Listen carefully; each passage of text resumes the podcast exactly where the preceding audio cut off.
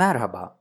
Bu dersimizde B plus location konusunu işleyeceğiz. Location konum demektir. Yani yerimizi bildirmek için kullandığımız kelimeler.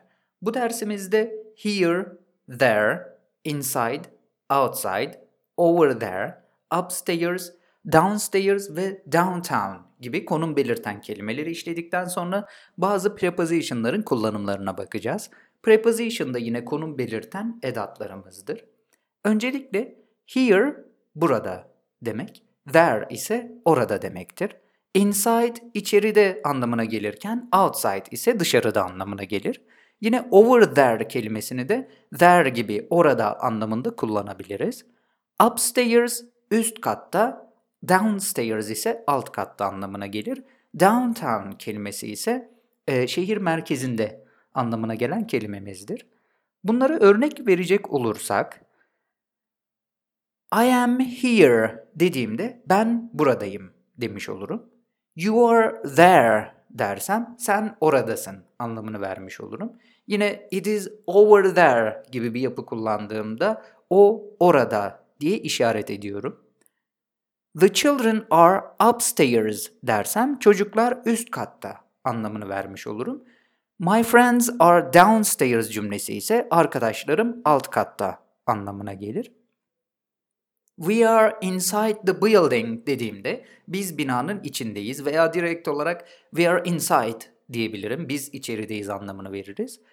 They are outside dersem onlar dışarıda anlamını vermiş olurum cümleme. Yine bunun gibi my parents are downtown dediğimde anne babam şehir merkezinde demiş olurum. Burada en çok yapılan hata my parents are in downtown, at downtown gibi yapılar kullanmaktır. Direkt olarak my parents are downtown demem gerekiyor. Ona özellikle dikkat ediyoruz. Bunun dışında preposition'ları da öğreneceğiz demiştik. In, on, at, next to gibi yapılara dikkat ediyoruz. Mesela we are in the kitchen dediğimde biz mutfaktayız, mutfağın içindeyiz demiş olurum. The book is on the desk dersem kitap masanın üzerinde anlamını vermiş olurum. At dade anlamına gelir. Yani I'm at work dediğimde işteyim diyorum. Veya we are at home dersem biz evdeyiz anlamını vermiş olurum. Yine inside ve outside de preposition gibi kullanılabilir. We are inside the building demiştik veya we are outside the building gibi yapılar kullanabiliyorum. Biz binanın içindeyiz ve dışarısındayız gibi bir anlam vermiş olduk.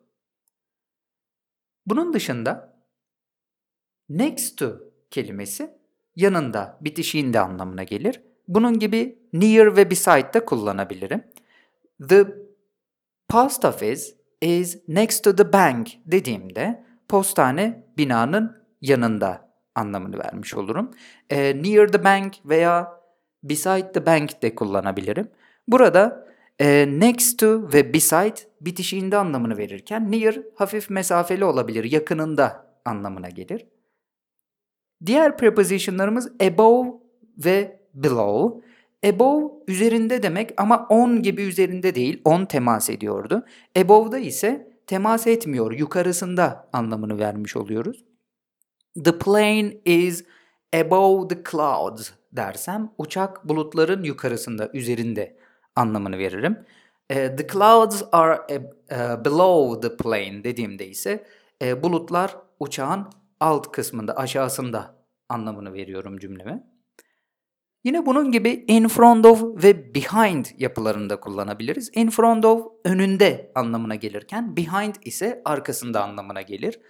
We are in front of the school dediğimde biz okulun önündeyiz.